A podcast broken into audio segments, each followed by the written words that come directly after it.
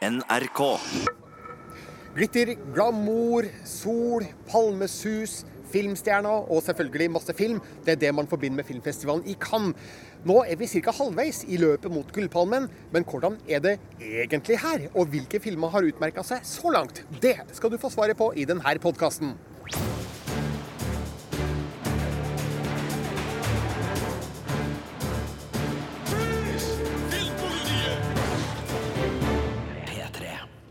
Jeg heter Birger Vestmo og kan dermed si velkommen til Cannes.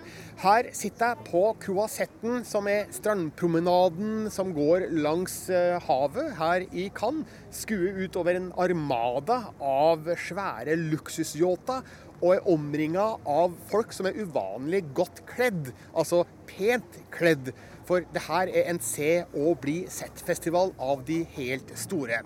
Men nå har det seg slik at jeg av private årsaker gikk glipp av de første viktige fire dagene av festivalen. Og veit dermed ikke hva jeg har gått glipp av av gode eller dårlige filmer. Men jeg har fått hjelp. For her sitter jeg med Lars Ole Kristiansen. Velkommen. Tusen takk, Birger. Du er redaktør i montasj.no, og ikke minst podkasten Filmfrelst, som har hyppige oppdateringer her fra Cannes. Ja, vi har eh, to episoder ute allerede, og det kommer en tredje i løpet av dagen. Og det skal sikkert bli både tre og fire til. Og det har jo Altså, det antall episoder i løpet av en Cannes-festival, det dikteres jo gjerne litt av nivået på filmene, da. Vi er jo Vi foretrekker jo å løfte fram de filmene som vi virkelig syns er interessante og verdt å snakke om. Og i, nå er vi jo bare halvveis inn i festivalen, men alt tyder på at dette her blir Vi, vi står igjen som en veldig sterk årgang. Vi skal komme tilbake til filmene om en bitte liten stund, men eh, som jeg sa innledningsvis, eh, vi skal finne ut hvordan det egentlig er her. Og da er det du og jeg som er sannhetsvitner på det. Ja. For den glitteren og glamouren som alle der hjemme tror vi omringer oss med, den er ikke alltid like sterk den det. Nei, det er litt fake news. Eh, Det har vært mye regn så langt, eh, og vi står i lange, slitsomme køer store deler av dagen. Eh, Enten da på en måte i litt sånn ukomfortabel stekende sol, eller øs pøs regnvær. Det er litt sånn klimaet har vært der eh, de siste dagene. Man eh, opplever å ikke komme inn på visninger. Eh, man har kanskje stått i 45 minutter, halvtime kø til, og er nødt til å omrokere hele dagsplanen din neste dag for å rekke en reprisevisning isteden. Det er en evig kamp om å få billetter til visningene i, festival, i festivalpalasset. Eh, og man sitter nesten dag for dag. og for det første så må man jo stå opp kjempetidlig nesten hver dag og legge seg innmari seint, så det blir lite søvn. Og man forsøker jo etter beste evne å ikke sovne under filmene, med mindre de åpenbart er eh, uinteressante etter si en halvtime eller noe sånt. noe. Jeg må bare si da at i år så jeg har, ikke, jeg har fortsatt til, til gode å, å sovne på en film, og det har noe å gjøre med at eh, jeg nesten bare har sett god film, og det er uvanlig, syns jeg, selv til Cannes-festivalen å være. Det er mange som tenker at her vises det bare fantastisk film. Det er selvfølgelig veldig langt unna sannheten, for det vises jo så mye film. Selv hovedkonkurransen pleier å ha eh, Altså, det pleier alltid å være noen fryktelige ting der. Det er for seg et par ting i år òg. Og ikke minst så pleier sideprogrammene å være fylt av mye hummer og kanari. Det er det selvfølgelig i år, og som jeg føler at jeg kanskje, kanskje jeg har vært heldig i min slalåmkjøring òg, da. Og så langt i festivalen har jeg kanskje bare sett to filmer som jeg virkelig syns har vært skikkelig dårlig, og sett mange jeg syns har vært altså, he, altså helt fantastisk bra. Og, og mange av de jeg gleder meg mest til, og som sikkert du også gleder deg mest til, Birger, gjenstår jo ennå. Altså, vi skal se filmene til Bong Joon-woo. Eh, vi skal se den nye filmen til eh, eh, Altså eh, Quentin Tarantino. Quentin Tarantino, Terence Malick, eh, Xavier Dolan. Er, altså, festivalen er jo på en eller annen måte også bare så vidt i gang. Darden-brødrene har ny film. Har vunnet to gullpalmer tidligere. Har nå laget en film om radikalisering. Eh, jeg, hør, jeg snakker med noen som har sett den allerede, og som sier at det er en av de beste filmene de har laget noensinne. Og faktisk da derfor også en opplagt gullpalmekandidat. Så huh, Det er din virkelighet. Litt interessant det du nevner om køståing, fordi du har et såkalt markedspass. Hva er det? Det er et uh, pass som skaper litt mer fleksibilitet i uh, visningen enn pressepasset gjør. Så vi foretrekker, foretrekker det. Ja. Jeg har pressepass, som jo finnes i flere graderinger. Jeg har et rosa pass med gul trikk. Og Det betyr at man stort sett slipper å stå i kø, og det er jo veldig behagelig, da. Men for min del så består jo festivalen av å springe fra film til film, og mellom der skal man også helst få tid til, å gjøre noen intervjuer. Og så skal man også ha tid til å skrive ut noen saker som skal på nett, eller redigere ting som skal på radio, eller til podkast som nå. Så det går jo i ett. Og det er ikke ofte man får muligheten til å stå og drikke champagne, for å si det sånn. Men, men det, det, er jo veldig gøy når man går og ser eh, f.eks. den kinesiske filmen 'The Wild Goose Lake', som da er i hovedprogrammet her. Og så sitter man da i samme sal som Quentin Tarantino. Det er ah, gøy. Wow. Jeg så det på sosiale medier at han hadde vært til stede. Jeg så at han hadde vært til stede under en, på, under en visning i Lumière den dagen, så jeg det må, må være dem, for han er så interessert i asiatisk film. Jeg skal se filmen klokka åtte i kveld. Hvordan var den, Birger? Jeg har høye forventninger, for jeg var veldig begeistra for Black Hole Teen Eyes. Uh, hans forrige film som vant Gullbjørnen i Berlin. Nei, det her var faktisk mitt første bekjentskap med regissøren, som heter Diao Yinan. Men det var veldig stilsikkert krimdrama uh, som har en historie du virkelig må konsentrere deg for å få med. For her er det mange svik og dobbeltsvik og trippeltsvik i en eh, ramme av hardbarka kinesisk gatekrim som jeg virkelig hadde stor eh, sans for. Så eh, veldig spent på hva du syns om den. Men vi må snakke om filmene som du har sett, men mm. ikke jeg. For ja. jeg gikk som da sagt glipp av de fire første dagene i Cannes. Og det hele åpna jo på tirsdag den 14. mai med Jim Jarmers 'The Dead Don't Die' en zombiefilm. ja, zombie mot, altså, zombier og zombiemotivet er på en måte noe av det som har preget festivalen mest så langt. For jeg har sett eh, fire filmer hvor Nei, jeg har sett tre zombiefilmer og eh, fire eller tror kanskje til og med fem filmer hvor, bare, hvor noen har snakket om zombier. Eller, altså det er helt underlig. For noen år siden så var det veldig mye med vampyr, vampyrer og vampyrfilmer. Nå er det zombiefilmer.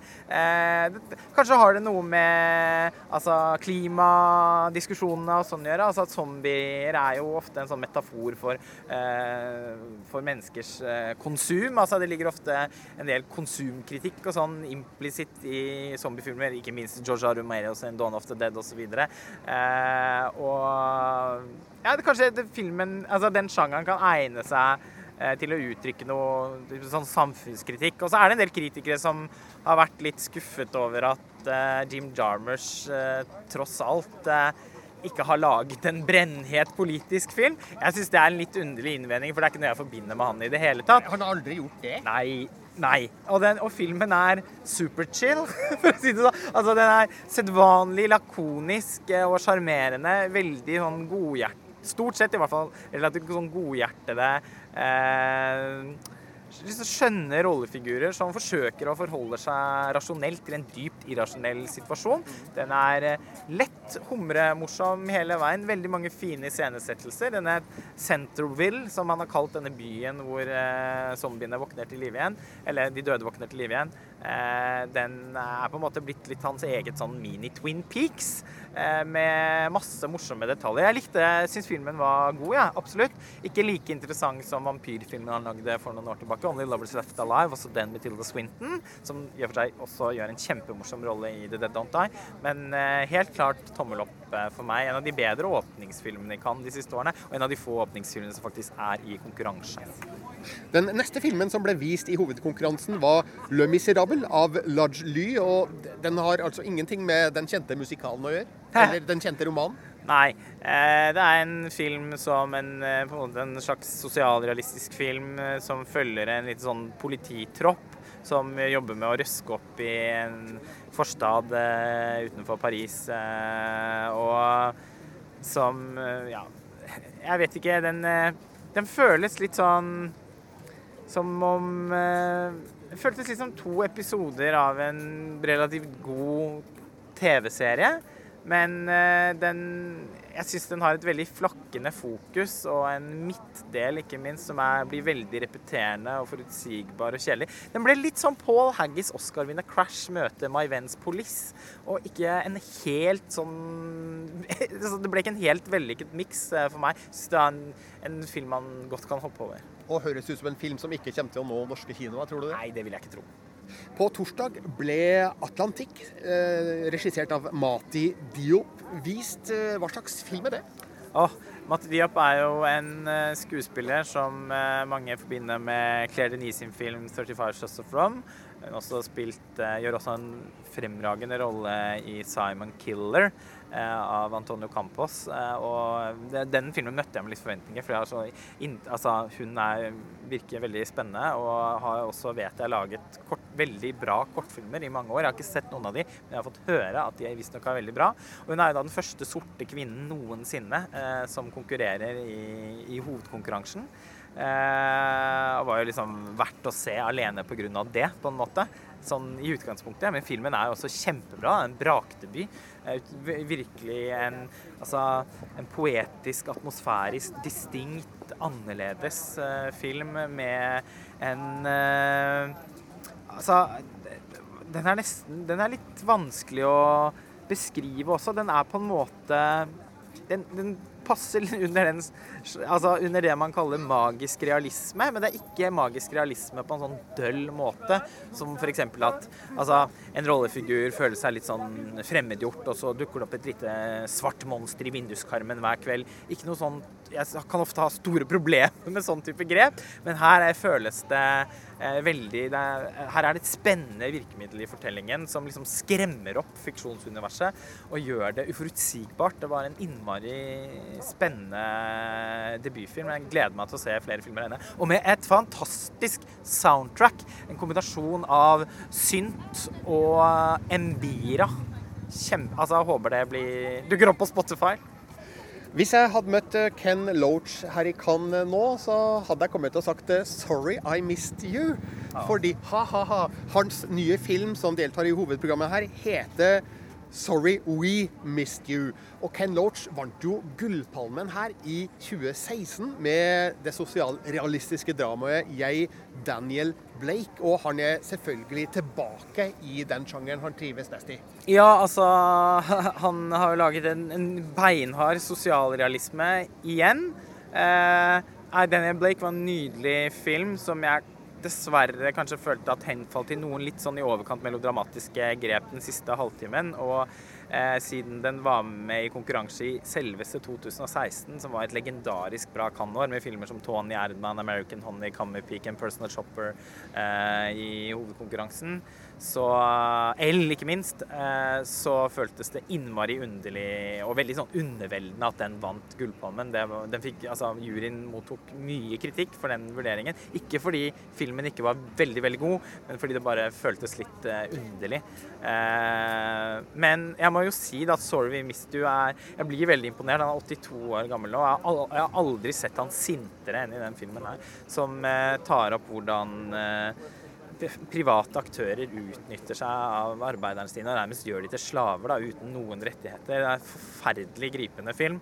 Eh, igjen så er det som om Ken Loach er litt sånn ustø på hånden rundt Altså, det virker som han har skjønt en, en, og erfart én ting, nemlig at melodrama det kan virkelig løfte opp, løfte en sosialrealistisk fortelling og gjøre den gripende og underholdende for et bredt publikum. Og det lykkes han veldig godt med i 'Sorry We Missed You'. Eh, det han på en måte kanskje noen ganger ikke helt får til, er jo også at melodrama og sosialrealisme ikke nødvendigvis alltid hører så veldig godt sammen. Eh, det kan bli litt for tykke streker under svaret og litt for eh, tykke konturer rundt noen av poengene i filmen. Litt for mye ekspositorisk dialog. Litt for mye sånn tilfeldigheter og lidelses... Eh, altså, han forelsker seg også litt i lidelsen noen ganger, som gjør at først så er det ille, og så blir det verre, og så blir det enda verre. Og på, man kommer liksom ikke ut av den spiralen. Det er et veldig determinert eh, univers. Minner i så måte om Dardem-brødrene, men de er bedre synes jeg, på å gjøre det mer subtilt enn Ken Loach. Når det, alt det er sagt, eh, jeg kom filleristet ut av den filmen og var opprørt og skikkelig lei meg og følte virkelig at dette, altså, dette her er en film som folk må se og snakke om. Eh, enda bedre enn I, Daniel Blake, syns jeg. Og en, en, av hans beste filmer noensinne. Er det rett og slett en kandidat til en av de store prisene her nede i Cannes? Altså, Det er definitivt en priskandidat, eh, men, men ikke noen gullpalmekandidat, tror jeg. Ikke minst bare det fordi altså, han vant den eh, for sin forrige film. Han gjør ikke noe nytt her heller, bare så det er sagt. Eh, det ville igjen føltes eh, som en underlig avgjørelse målt opp mot i hvert fall én av de andre filmene jeg har sett i hovedkonkurransen så langt, og jeg vil tro en del flere som kommer. Men vi får se.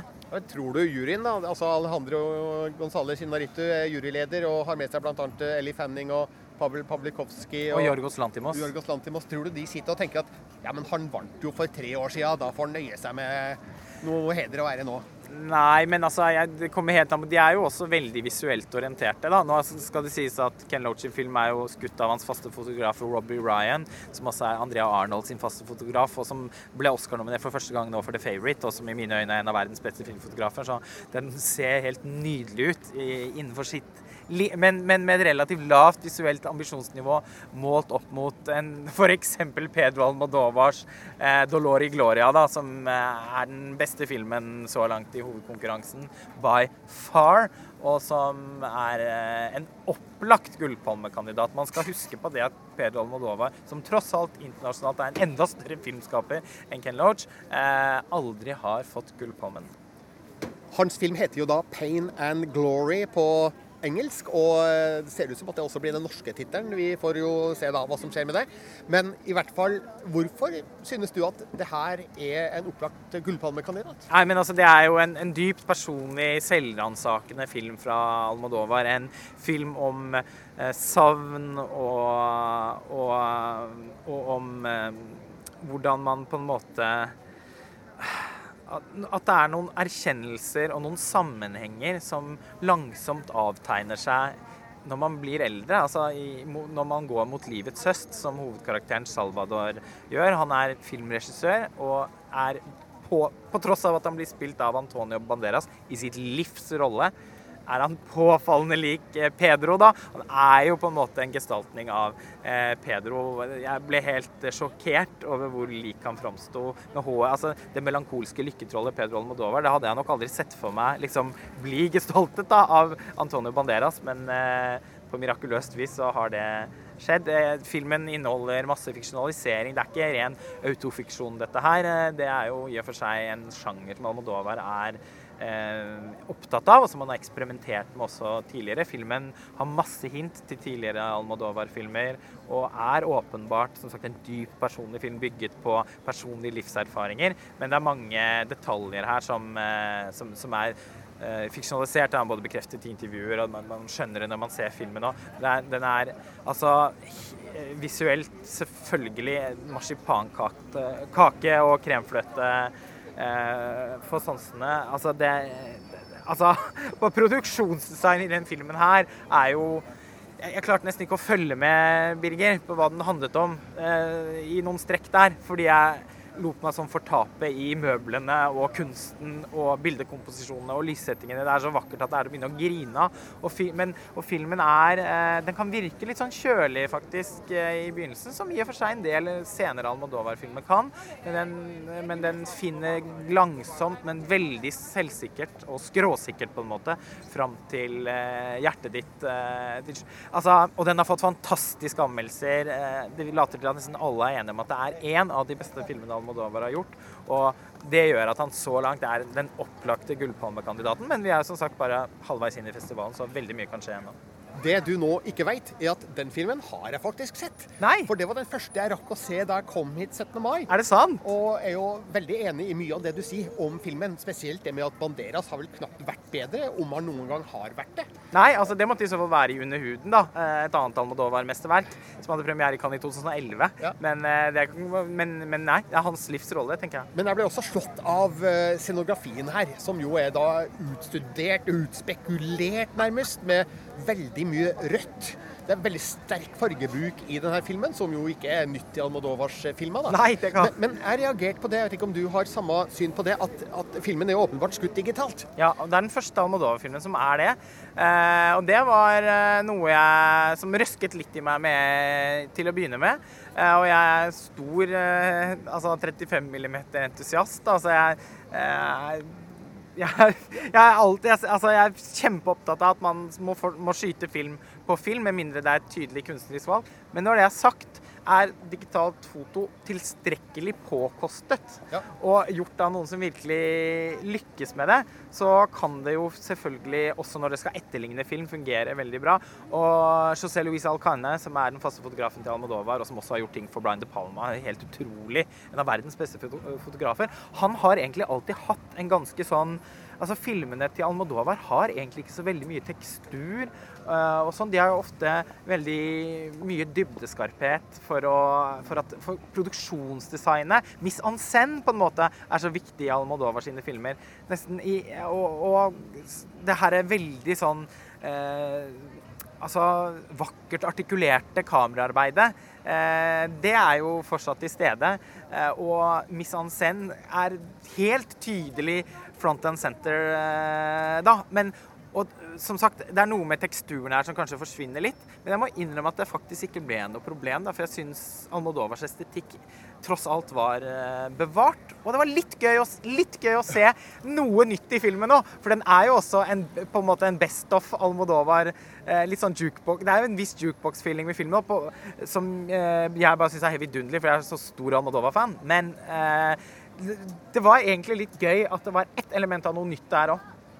Jeg savna 35 mm, det må jeg bare si. Jeg syns det ble litt kaldt og sterilt Ja. med det digitale fotoet. Men det må jo ha ligget eh, kunstneriske valg bak her som gjør at eh, de tok spranget over til digitalt.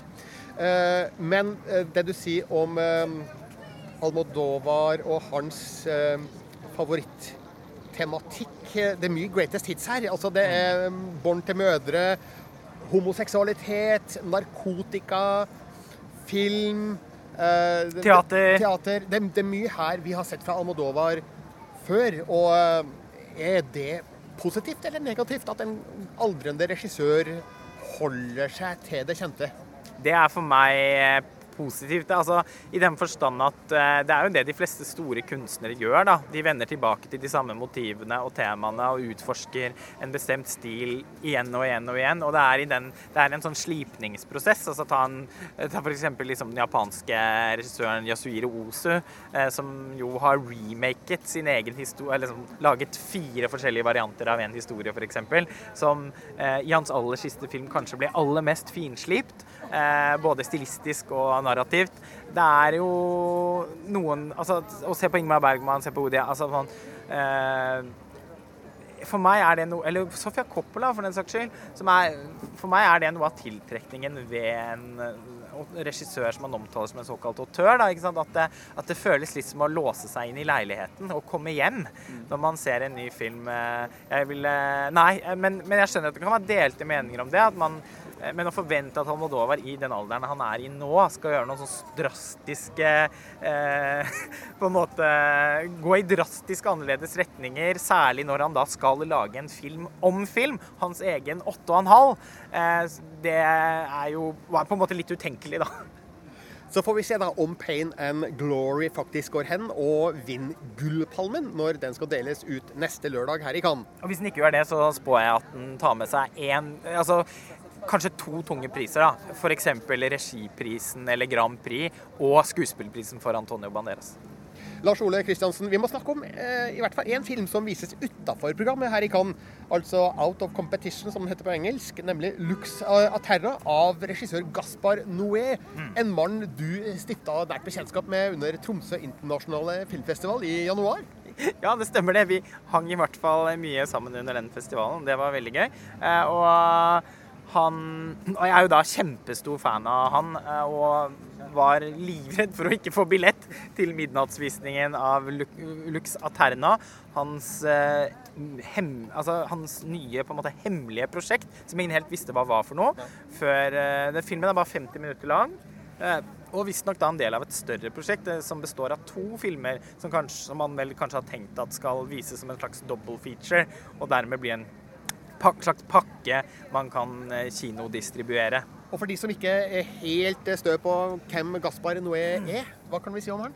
Nei, Han er jo da en av Han er Frankrikes store enfant terrible, forbundet med en uh, betegnelse som heter New French Extremity, brukt om veldig sånn grenseoverskridende franske filmer laget etter, liksom, fra slutten av 90-tallet utover. Ja. Uh, og er jo mest kjent for uh, Irreversible, som ble vist i hovedkonkurransen her i 2002, var det vel? Ja, filmen med den scenen fra undergangen. Yes. Og uh, ikke minst Enter the Void, som jeg syns er hans store mesterverk. Uh, som hadde underveldende mot, fikk underveldende mottakelse her i 2011, men som har blitt en stor kultfilm etterpå. Han var jo senest aktuell med Climax på norske kinoer for bare et par-tre måneder siden.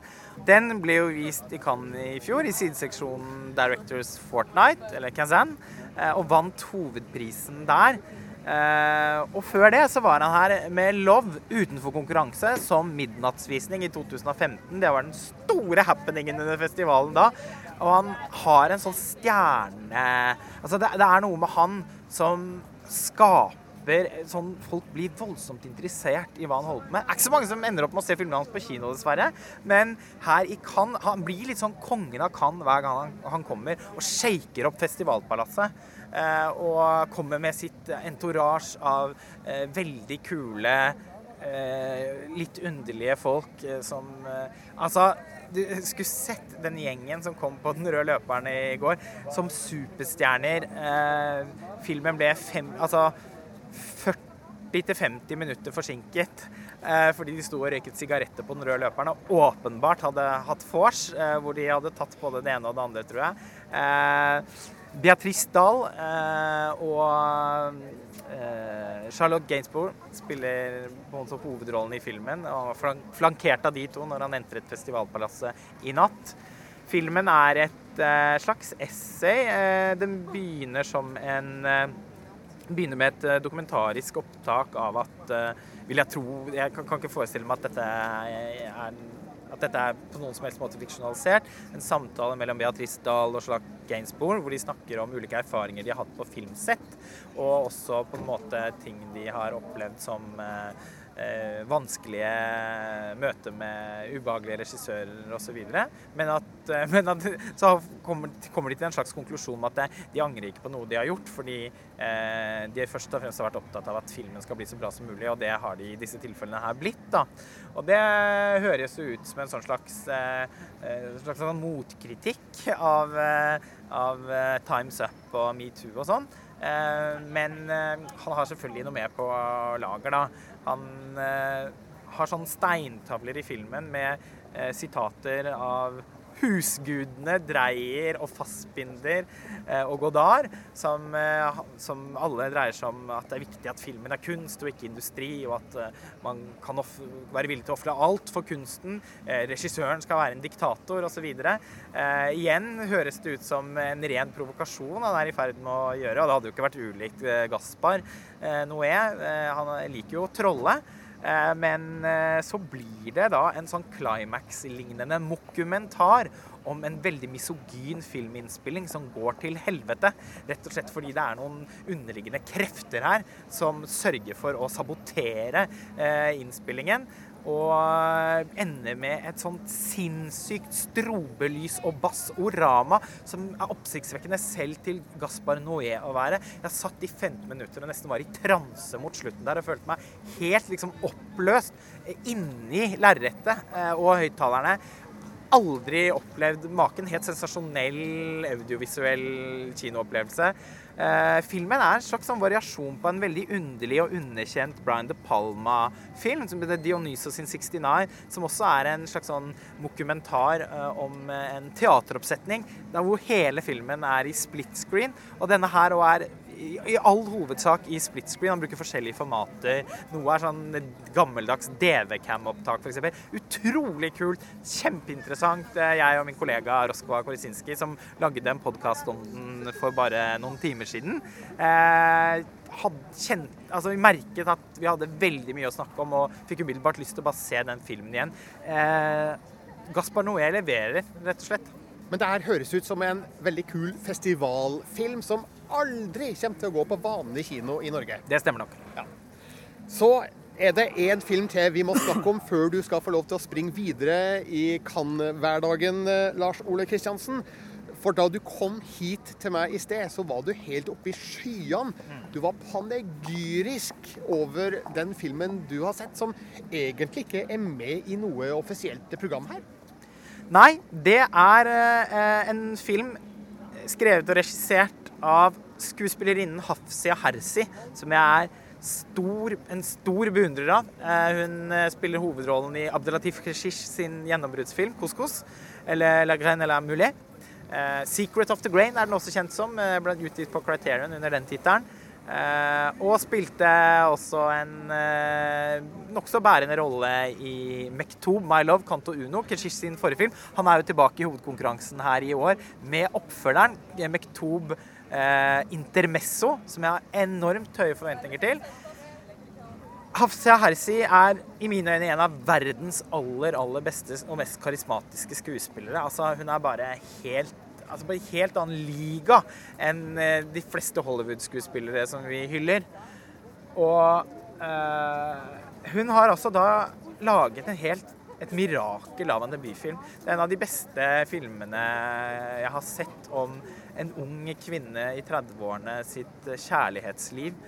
Og et slags sånn mesterverk for Tinder-generasjonen enormt bra spilt. Hun spiller hovedrollen. At hun har instruert seg selv så bra, får helt gåsehud av å tenke på. Altså, det er årets rolleprestasjon. Eh, uten sammenligning, Birger. Og, og, den er altså så vakkert regissert og, og så morsom å, og gripe Altså, den har alle rommer, alle følelsene man ønsker å få ut av en filmopplevelse. Det er real, filmrealisme på sitt absolutt beste, den eneste som lager filmer som har en så sterk grad av levende liv, er jo nettopp Abdelatif Keshish, som hun som hun er en altså som jeg vet hun er en venn av, og som hun eh, har, har, jo da samarbeidet tett med tidligere. Eh, og det, det, føltes virkelig som om verden har fått en ny eh, en ny filmskaper av det kaliberet innenfor eh, realisme eh, Jeg kan ikke kalle det for en sjanger, men innenfor det, den uttrykksformen, den tilnærmingen til, til film. Og, og, men selv om den da er oppleves så, så, autentisk i alt den gjør, så er den ikke sånn klisjéfullt skittenrealistisk, men også innmari vakker. Og nesten sånn porøs bare veldig levende måte. Det er en sensasjonelt bra debutfilm, rett og slett. Den beste debutfilmen jeg har sett på kanskje siden Raw i 2016, som også var i Kritikeruken. Denne her er da ikke konkurranse i Kritikeruken, men det jeg fikk inntrykk, fra, uh, inntrykk av etter den kav franske introduksjonen i stad, er at den rett og slett ble meldt på for sent. At uh, Hafsi Hersi sendte en tekstmelding til han som leder Kritikeruken og sa forresten, jeg har laget, nettopp laget en film, kanskje det kunne være interessant for dere. Så var det nok for sent til å velge den inn blant de syv, men at de umiddelbart eh, sørget for å gi den en sånn, eh, sånn spesialvisning. Jeg er helt fullstendig slått i bakken. Den kommer, kommer vil havne høyt på listen over årets beste filmer i min bok. Og Så får vi se om du kommer over en av de mindre norske filmdistributørene her i Cannes, da, som Arthouse eller Selmer eller Another World Entertainment eller kanskje Fidalgo. Kanskje det er en film aktuell for de? Eh, det håper jeg virkelig. Eh, jeg kommer til å gjøre alt jeg kan for at den skal få norsk kinodistribusjon. Eh, det, kommer, det er sikkert en film vi kommer til å skrive og snakke om masse på montasje i månedene framover. Mm. Vi liker jo å, å løfte fram filmer som vi som vi mener at det norske kinopublikummet er nødt til å få stifte bekjentskap med. Og av og til så lykkes vi jo faktisk med det. Og mer om det kan man lese på montasj.no, og man kan høre podkasten deres Filmfrelst. Hvor finner man den? Den finner man også da på montasj.no og i iTunes. Og eh, vi kommer som sagt til å lage mange episoder bare under kan. Så og vi kommer garantert til å lage en episode om den nye filmen til Xavier Dolan. Vi kommer garantert til å lage en episode om den nye Terence Malick-filmen. Så eh, jeg gleder meg allerede til å til å snakke mer. Tarantino, skal du snakke om han?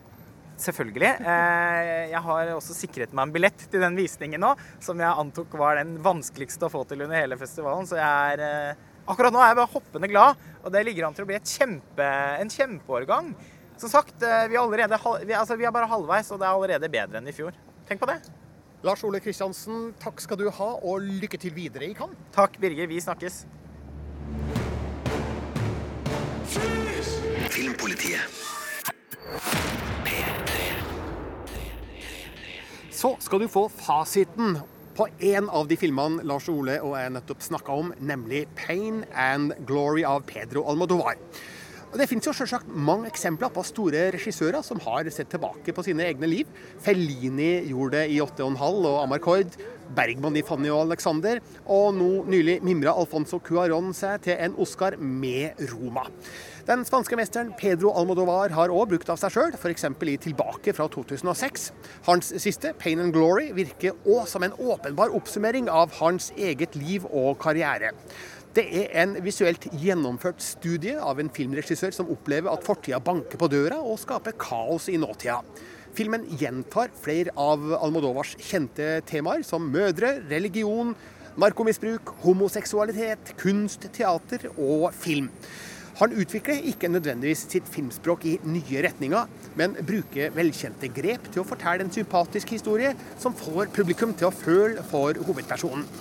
Ikke alle sidehistoriene som Almodovar forteller i 'Pain and Glory' er like interessante, og kun med fordel vært litt strengere redigert. Men det her er likevel et potent drama fra en veteran som slett ikke er utgått på dato. Det handler om den aldrende filmregissøren Salvador, spilt av Antonio Banderas, som plages av dårlig helse og har ikke laga film på lenge. Når en av hans gamle filmer blir restaurert, tar han kontakt med hovedrolleinnehaveren Alberto, spilt av Asier Extandia, som han røk uklar med etter innspillinga. Dette utløser en rekke hendelser der Salvador minnes barndommen med sin mor, spilt av Penelope Cruz, sin første lidenskap Eduardo, spilt av Cesar Vicente, og sin store kjærlighet Federico, spilt av Leonardo Sparaglia. Fortid og nåtid forenes og gir et bilde av en skapende kraft som kjemper med og mot seg sjøl. Antonio Banderas spiller glimrende i en av karrierens bedre prestasjoner. Han skildrer en god mann tynga av indre demoner og en melankoli som forsterkes av tiltagende helseproblemer. Banderas finstemte spill gir små hint og vink som gjør at man gradvis forstår Salvadors bakgrunn og ulike valg han har tatt. Rollefigurene rundt han er med på å fortelle hans historie, og nesten alle er menn. Almodovar er jo kanskje mest kjent for sine sterke kvinnedrevne historier, men denne gangen er det først og fremst gutta det handler om. Den ambivalente gjenforeninga med Alberto, og ikke minst det nydelige møtet med gamlekjæresten Federico, gir ny innsikt i hva som har forma Salvador som voksen. Man får gode indikasjoner på hvorfor Salvadors skaperkraft har minska. Almodovar skildrer de her møtene med en virkningsfull blanding av både humor, glede, smerte og vemod. Som i så mange av Almodovars filmer er òg 'Pain and Glory' prega av et stilistisk filmspråk med en scenografi med innslag av kitsch i sterke farger. Spesielt bruken av rødt dominerer her. Fotografen José Louis Alcain, som har jobba med Almodovar flere ganger tidligere, har skutt 'Pain and Glory' digitalt, men sjøl om bildene er lynskarpe og metta av dype farger, kan de òg tidvis virke for kalde og sterile. Jeg tror jeg hadde likt uttrykket bedre om det hadde vært skutt på 35 mm. Det som er et ufravikelig faktum, er at Pain and Glory har et aldeles nydelig avslutningsbilde. Det skal selvsagt ikke avsløres hva, annet enn at det på glimrende vis setter alt man har sett til da, i en litt annen kontekst. Så det er min mening om Pain and Glory, som får norgespremiere 29.8.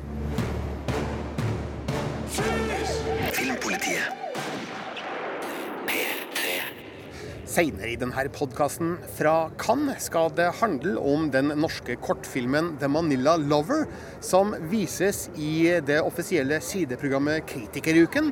Og det skal handle om dokumentarfilmen 'I Human' av den norske regissøren Tonje Hessen Schei, som fremdeles er i produksjon og har blitt presentert her i Cannes. Men nå aller først skal det handle om den nye Amazon Prime-serien 'Too Old To Die Young', der episode fire og fem har blitt vist utenfor konkurranse her i Cannes. Serien er regissert av Nicolas Winding Reften og har Miles Teller i hovedrollen.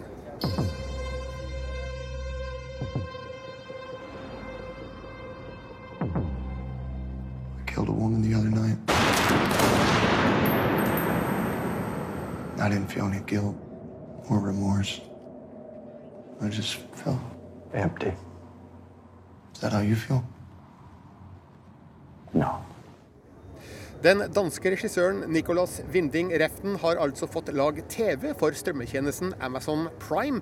Han takker for tilliten ved å levere en mørk, foruroligende og stilsikker serie med morbid humor og hard vold. Episode fire og fem, som altså vises utafor konkurransen her på filmfestivalen i Cannes, tyder på at Winding Reften viderefører sin kompromissløse stil fra filmene Only God Forgives og The Neon Demon, med blendende styggvakkert foto, overdrevent karikerte figurer og et tempo som er faretruende nær ved å stoppe opp, men samtidig snik nærmest umerkelig store doser stemning og atmosfære inn i publikums hjerner.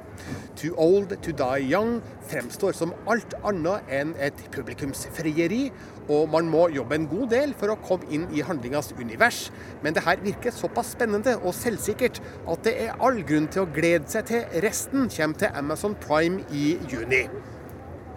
Miles Teller virker formidabel i en hovedrolle som krever varsom bruk av de virkemidlene en skuespiller vanligvis har til rådighet. Rollen krever nemlig forsiktig bruk av emosjonelle signaler. Her gjelder det å uttrykke så lite som mulig, noe Teller mestrer godt. Han spiller Martin, en desillusjonert betjent i Los Angeles County Sheriff's Department, som tar på seg ekstra oppdrag i den kriminelle underverden for å bli kvitt skurker som loven ikke når. I den første episoden ser vi hvordan hans moralske kompass fungerer når han skal drepe en koreaner som skylder penger, mens i den andre reiser han til Albuquerque for å knerte to brødre som produserer voldtektsporno. Spesielt den episoden ser ut som en sterk blanding av Breaking Bad og Twin Peaks, både når det gjelder et vindskjevt persongalleri og en luguber miljøskildring. Too Old To Die Young er ikke den lettest tilgjengelige serien der ute. Mange vil bl.a. reagere på hvordan nesten hver eneste scene dras kraftig ut i lengde. Det er uvanlig lange pauser mellom hver bit av dialog, slik at en liten samtale på fire-fem setninger kan vare i flere minutter. De to episodene ble vist back to back i Cannes og varte i to timer og 18 minutter, mens med normal hastighet på dialogen ville den totale spilletida kanskje vært ned i 90 minutter. Det her virker kanskje litt irriterende i begynnelsen, men når man har blitt vant til sneglehastigheten, begynner alt rundt figurene å synke inn. De utstuderte kulissene, dekorasjonene, fargene og billedutsnittene er utsøkt gjort i høyeste kvalitet, og fortjener full oppmerksomhet på store TV-skjermer og godt lydanlegg. Serien er prega av den harde visuelle volden som Nicolas Winding Reften har dyrka i nesten alle sine filmer, som Pusher-trilogien, Bronson, Valhalla Rising, Drive og de to nevnte filmene Only God Forgives og The Neon Demon. Blodet spruter og skallene sprekker, gjerne i slow motion. Han har òg noen effektive innslag av humor i denne serien, som kanskje ikke virker åpenbare, men de er der. Høydepunktet er kanskje en biljakt utenom det vanlige i den femte episoden, der forskjellene mellom kjøretøyene som deltar er påtagelig, og gir en morsom, og for noen smertelig velkjent, utgang. Foruten Miles Tellers godt gjennomførte hovedrolle, virker òg John Hawkes veldig interessant i rollen som Mikes gamle militærkamerat Viggo, som fremstår som en slags veileder. Vi får òg et glimt av Jenna Malone som Diane, et slags åndelig medium for Viggo, som vi sannsynligvis får se mer av seinere i serien. Persongalleriet virker reindyrka mørkt og mystisk, kontrastert med enkelte figurer med positive innstillinger som virker svært malplassert. Det er som om Nicolas Winding Reffen vil vise oss hvor misforstått det er med håp og glede i den voldsomme verdenen som handlinga foregår i. Denne anmeldelsen er altså basert på to av ti episoder, og er ikke en dom over serien som helhet. Innledninga er i hvert fall svært lovende, om enn ikke for alle. Society's falling. It's all collapsing around us. Soon our cities will be washed away by floods, buried in sand, burned to the ground. That's why you found me. As the world fractures, someone has to be there to protect innocence. I want the worst guys you got. Too Old To Die Young, episode 4 og 5, eh, vises utafor konkurranse på filmfestivalen i Cannes. Premiere på Amazon Prime 19.6. Jeg har møtt skuespiller Miles Teller og manusforfatter, skråstrek regissør Nicolas Winding Reften på mildt sagt fasjonable Carlton hotell her ved Croisetten, der jeg nå står. Og her skal du få høre mine spørsmål til dem i et rom fullt av journalister. Og jeg beklager hvis mine spørsmål virker litt eh, fjerne, fordi jeg satt på andre sida av bordet for der min mikrofon befant seg. So, Nicholas, you have described this as a 13-hour movie. It's not a series. What is the main difference? Well, is that it doesn't rely on serialized narrative. It's one long stream. It doesn't have to conform to the idea that a weekly episode or a certain structure within a episodic sensibility or any kind of structure for that matter. Because streaming is just like a flow of energy that we can just tap into. I mean, we can go on it right now and then we can pause it and go to something else and come back to it. And it's like liquid, it just stays with us. I mean, I've had this idea since the Pusher trilogy, way back when I started making movies about, you know, when will the format come that is no longer, you know, that's in, uncontrollable, mm-hmm. essentially. And it wasn't, it wasn't really until the internet, you know, popped up, and you know, and to everyone's surprise, how it changed our lives radically everywhere. And the idea that suddenly there was this coexistence energy around us mm-hmm. that we now are so dependent on. And our entertainment is also included in that process. And um, you know, where do my kids go and enjoy themselves? Well, this is what they tap into. Mm-hmm. So obviously, I wanted to go into that world and use that medium, and that medium has no restrictions in a way. Mm-hmm. You know, television is a very restricted medium. Movies is a restricted medium. But this was just endless. I could go on for the next five years. Is that a good thing or a bad thing? I think it's a beautiful thing. Well, I, had seen his movies. I hadn't, yeah. I hadn't talked to any actors who had uh, who had worked with with Nick before. Um, but yeah, certainly it was my first time acting. Um, you know, in kind of like heavily stylized way, so un, unconventional to um, yeah the productions that I'd I'd worked on before. You just have to adapt, and and Nick is the uh, you know he's the man behind the curtain. He's the you know he's the maestro. Um, and yeah, anytime I sign on to a movie, I want to serve the director. I want to help help him bring his his vision to life. And obviously, it's my job to you know have a character and do all that stuff and be professional and this and that. But I. Uh, yeah, I think it took me a couple days, and then, and then we are off and running. When you were young. Or maybe not running. slow walk. slow walk. Slow. Maybe not even walking. I think you guys are getting a pretty good sense of, of Nick in this discussion. Um, um, but yeah, he's uh, you know when you show up on, on set, you are you are you are focused. You know, there's no.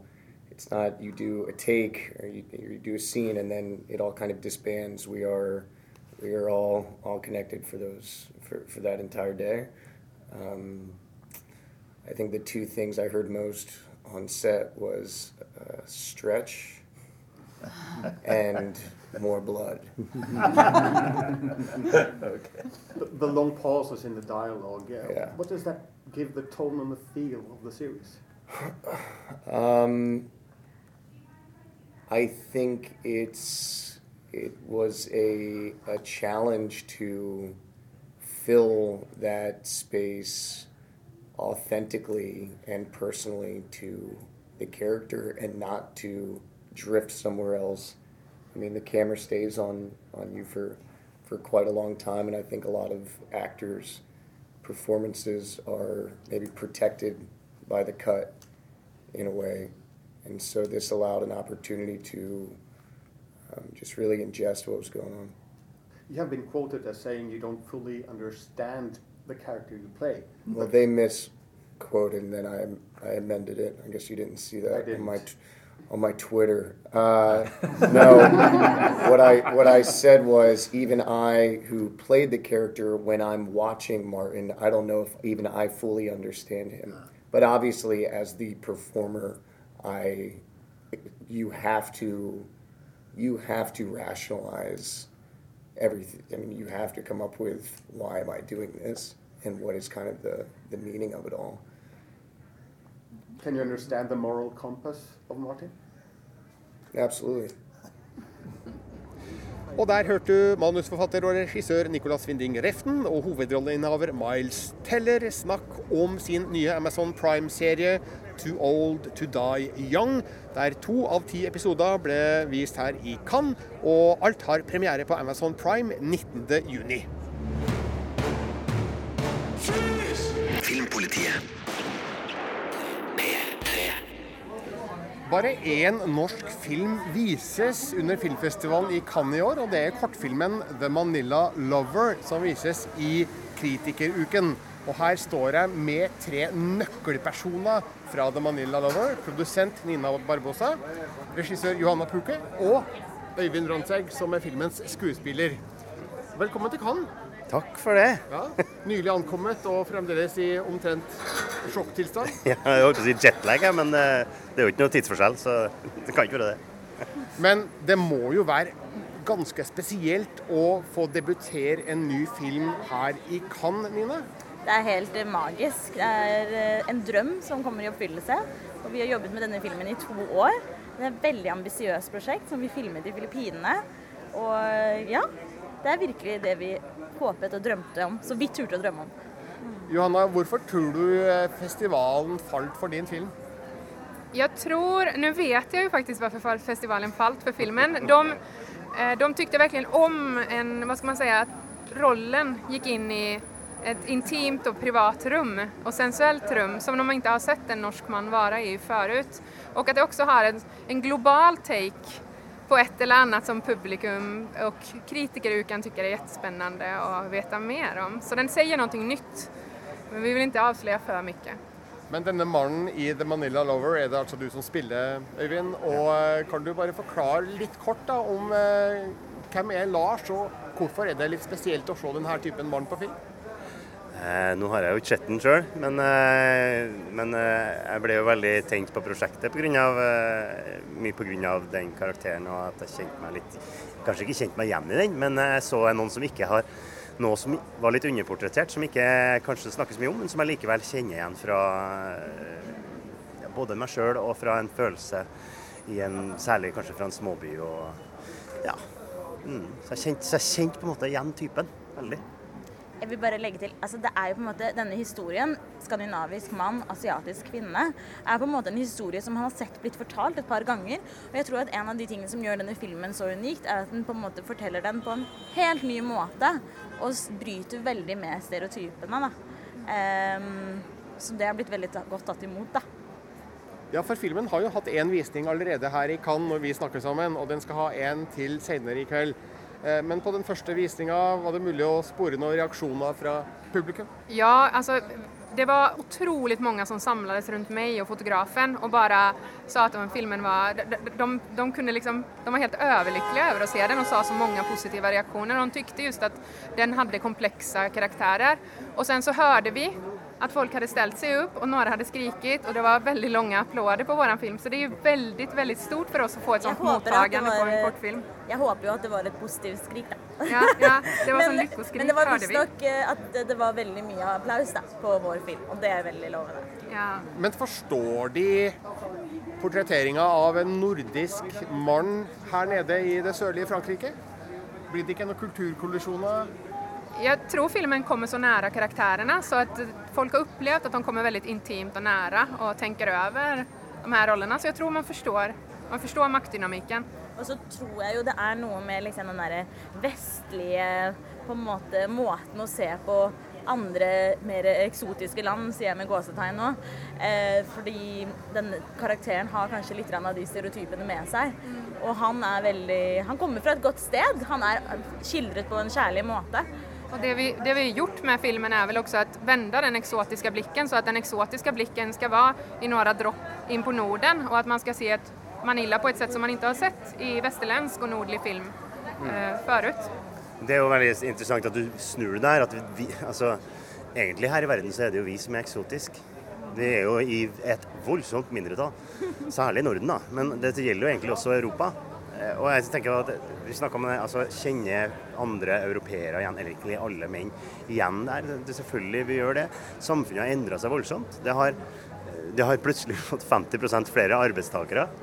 Eh, og det har dyptgående endringer i, i, som, som, som kunsten i liten grad har tatt inn over seg fra den mannlige synsvinkelen, som jeg syns er litt interessant. fordi som regel så blir det bare da hestkuker, for å være helt ærlig. Altså. altså som reiser på sexturer og som eh, lager, sender seks tekstmeldinger og lager dumme foreninger og sånne ting. Men 90% av mannfolk er, er jo ikke sånn. Eh, jeg tror at 90% av menn er mer som Lars, veldig mye mer kompleks. Og ikke ut etter å utnytte sin rikdom og sin stilling til å få eh, sex med mindreårige. Og hvis eh, Lars eh, slo an så godt som dere påstår under den første visninga, hva vil det si for filmen? Altså, hva slags plattform er det å debutere på det her? Altså Bare allerede å være her og være nominert er jo veldig stort. og Vi legger merke til at det blir mye interesse rundt filmen, og vi har fått på en veldig anerkjent salgsagent. Og eh, så er det jo selvfølgelig dette muligheten for å vinne en premie. Dersom man vinner en premie, så vil man jo bli Kanal Pluss-prisen. Da vil du få sending over hele Frankrike, som er kjempestort. Et kjempestort publikum allerede der. Og så er det selvfølgelig et kjempeviktig steg for oss som filmskapere. da, Å ha denne liksom med oss videre. At vi har vært her. Eh, og filmen har jo kommet til å få mye større festivalpotensial pga. denne starten. Det er helt sikkert. Eh, Johanna, eh, når du sitter i salen og skal ha filmen din eh, vist i fullsatt sal, hvordan er det med kan-nervene dine da? Eh, det så klart at jeg er nervøs, men just denne filmen ser jeg fram imot å vise. For att vi har vist den i et veldig litet rum eh, och jag är väldigt, väldigt nyfiken eller nysgjerrig på reaksjonene til publikum. Jeg lærer meg utrolig mye på hvordan de tar imot. så jeg ser fram imot å prate med folk etterpå, både her og i Norge når vi viser den i Norge. Og det er absolutt en film for det store kinolerretet. Du har tenkt kinolerrett når du har laga den her, og ikke TV-skjerm. Det har jeg virkelig satset på. Det, det er en kinosal som vi vil vise den i. Så, men jeg tror at den går bra att visa på en norsk TV hemma i ett vardagsrum också. Så har vi också sett filmen. Hint, hint, NRK. Vi tar med oss den. Eh, Men eh, du Øyvind skal jo virkelig vise deg fram på det store lerretet. Ja, det skal, jeg- det skal debutere eh, på det store lerretet nå, i en alder av 48 år, og det skjer i Cannes. Og naken. Ja, det, ja, det ble kanskje med noen sånne eh. Det er mulig. Det, det, Några intima, några intima fina scener, scener er det. Nå står vi jo her rett utenfor eh, Miramar, der Kritikeruken eh, har sitt holdested. og Det er trafikk eh, like ved, og det er regn, og det er egentlig litt surt. Er det noen som får noe som helst glamourfølelse her? Jeg fikk det av hvordan vi pyntet oss og fiksa oss før eh, visningen i dag. Det føltes faktisk ganske glam. Får glamourfølelse av å høre fransk og bli intervjua av Birger Vestmo. OK, ja, greit. Hvis det ikke skal mer til, så. Men, men, men hva annet gjør dere under festivalen enn å vise filmen? Jag kommer vara med i en spillefilmslabb med en av spillefilmerna som jag utvecklar. Jag jobbar just med tre stycken norska spillefilmer och en dramaserie för ungdom, en sci-fi-serie. Så jag kommer eh, ha en av de projekten, ett av de norska projekten i utveckling där under labben. Och sen så kommer jag också pitcha en av spillefilmerna som jag jobbar med här på tisdag. Så det ska bli jättekul att se hur den tas emot. Og som produsent, Nina, eh, her er det jo midt i pengebingen. Hvordan eh, skal man utnytte det? Ja, men Vi forsøker å ha en del møter, snakke om kommende prosjekter. Og selvfølgelig bare ja, bli kjent med hele resten av Europas filmbransje så mye som mulig. Men hva skjer umiddelbart etter Cannes-festivalen med The Manila Lover? Hvor går veien videre? Er det fastlagt hva som skal skje med den nå? NFI distribuerar ju den till flera fina anerkända festivaler och vi kommer också ha några möten med de festivalerna här under filmfestivalen så vi hoppas ju på att den får en spridning. Och det har vi ju sett att Cannes-filmer har fått också eh, så vi hoppas ju på att den här norska filippinska co-produktionen får en fin spridning utöver resten av världen. Og så skal vi ha en premiere i Oslo. Og så håper vi på ja, å få en festival i Norge i nærmeste framtid. Nå skal dere inn og vise filmen igjen, og du Øyvind skal se den for første gang. Ja. Eh, For bare rett og slett si 'break a leg'. Ja, jo, eh, da skal jeg si break a leg tilbake. Ja. Det er regelen. Det er regelen. Takk skal du ha. Filmpolitiet. P3. Filmfestivalen i Cannes er ikke bare en arena for ny film, men også for filmer som er under produksjon. Og det skjer på det store filmmarkedet i underetasjen på Palasset, som vi kaller det da, Festivalpalasset i Cannes. En av filmene som er blitt presentert her, er I Human, den nye dokumentaren fra Tonje Hessen Skei. Velkommen til Cannes. Tusen takk. Eh, I Human er en film som tar et blikk på hva kunstig intelligens og ny teknologi har å si for våre privatliv i åra som kommer, eller faktisk allerede nå. Hvorfor er det et tema du interesserer deg så mye for? Så vi står overfor eh, det som kalles en usynlig kunstig intelligensrevolusjon, eh, som forandrer livene våre og samfunnet vårt, og ikke minst framtida vår, uten at folk egentlig vet hva det er som skjer, og uten at vi har en skikkelig debatt over hvordan teknologien her utvikles, og hvordan den settes i verk i samfunnet. Du har jo vist klipp fra iHuman her i Cannes, og der er det en som eh, forteller oss at eh, våre privatliv er borte vekk. Er det riktig? Ja, altså det er jo en, eh, et veldig veldig bra spørsmål. Altså, Finnes det privatliv noe mer? Eh, jeg føler jo at jeg tar grep i livet mitt. Jeg tror det handler om at folk har nødt til å ta kontroll sjøl. Og tenke på hvordan data er det vi deler, hvordan er det vi bruker teknologien vår. Og at vi kontrollerer, kontrollerer teknologien istedenfor at teknologien tar kontroll. Vi står nå i eh, filmmarkedet i Cannes utenfor en konferansesal der du nettopp har debattert iHuman med noen skikkelig tungvektere fra EU og FN og Julie Brill fra Microsoft. Og hun påstår jo at de tar privatlivet på høyeste alvor, og at eh, privatlivet ikke er borte. Hvem skal vi tro på? Så Microsoft er jo eh, kanskje et av de mest ansvarsfulle store tech-selskapene som vi har. Eh, Det stemmer ikke for Gogo Google eller Facebook. Eh, Og gjennom eh, produksjonen her så er jeg blitt utrolig overraska over arrogansen og eh, hvordan de kontrollerer informasjonen som de slipper ut fullstendig. Så vi har null innsyn i hvordan Google egentlig bruker AI og utvikler AI. Eh, og når du tenker på at de vet alt om oss, de vet hvor vi er, hva vi gjør, hvem, hvilke venner vi har, hva vi egentlig tenker på, eh, så er det en utrolig stor makt. Eh, og de har også et eh, kjempestort politisk spill i USA, hvor de egentlig styrer veldig mye av det som skjer i politikken. Så vi, vi står liksom overfor en helt ny verdensordning der tech-organisasjoner har mer makt enn en regjeringa har. Og hva gjør vi da? Vi har altså sett klipp fra iHuman her i Cannes, og det kan jo virke som at filmen din er et rent skrekkscenario. Men fins det også gode sider ved den teknologiske utviklinga som filmen din eh, omfatter? Så kunstig intelligens har jo et enormt potensial i, i begge retninger. Eh, og jeg gleder meg til å se eh, hvordan den teknologien her kan være med og gjøre positive ting for eh, menneskeheten. Men akkurat nå, når vi står overfor en teknologi som har så store konsekvenser for privatlivet vårt, for samfunnet vårt og framtida, da mener jeg at det er på tide å stoppe opp og se hvor går de røde linjene. Hvor er det vi er på vei, og hvor er vi i dag? iHuman er ikke helt ferdig, den skal slippes i høst. Ja, den kommer til høsten. Hvorfor er det viktig å presentere den allerede nå her i Cannes?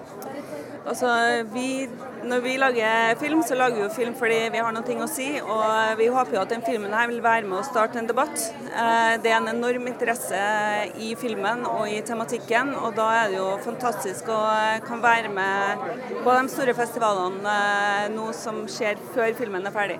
Så det er egentlig en del av, av hvordan det er man får til forandring. Hvordan går du frem for å selge iHuman her i Cannes, på dette filmmarkedet vi nå står i? Nei, altså, da, du, da har du sånne panel som vi har hatt i dag, med visinger fra, fra filmen. Og så er det en enorm interesse. Så eh, det blir spennende å se hva som skjer. Hvordan merker du denne interessen? Um, det er et godt spørsmål. I hjertet og i hodet. ja, nei, men det er jo det er masse TV-kanaler, det er masse festivaler, det er uh, altså, Kunstig intelligens er jo et, et veldig hot tema som, eh, som, folk egentlig har masse forskjellige forbindelser med, eh, kanskje mest fra sci-fi. og vi kommer jo nå kanskje med den første kunstig intelligens-filmen som tar for seg maktstrukturene bak det her. Uh, og det tror jeg folk er sultne på. Og for meg så føler jeg liksom at vi kommer ut nå med en film som er den virkelige historien bak Black Mirror og ja, alle de andre sci-fi-filmene som vi har sett som, som løfter kunstig intelligens i det siste. Tonje Hessen Skei, når får vi i Norge se iHuman på kino? den kommer til høsten. Du har ikke noe spesiell dato ennå? Ikke, ikke helt ennå. Hvor er du i arbeidet nå? Du, nå er vi like ved å låse klippen.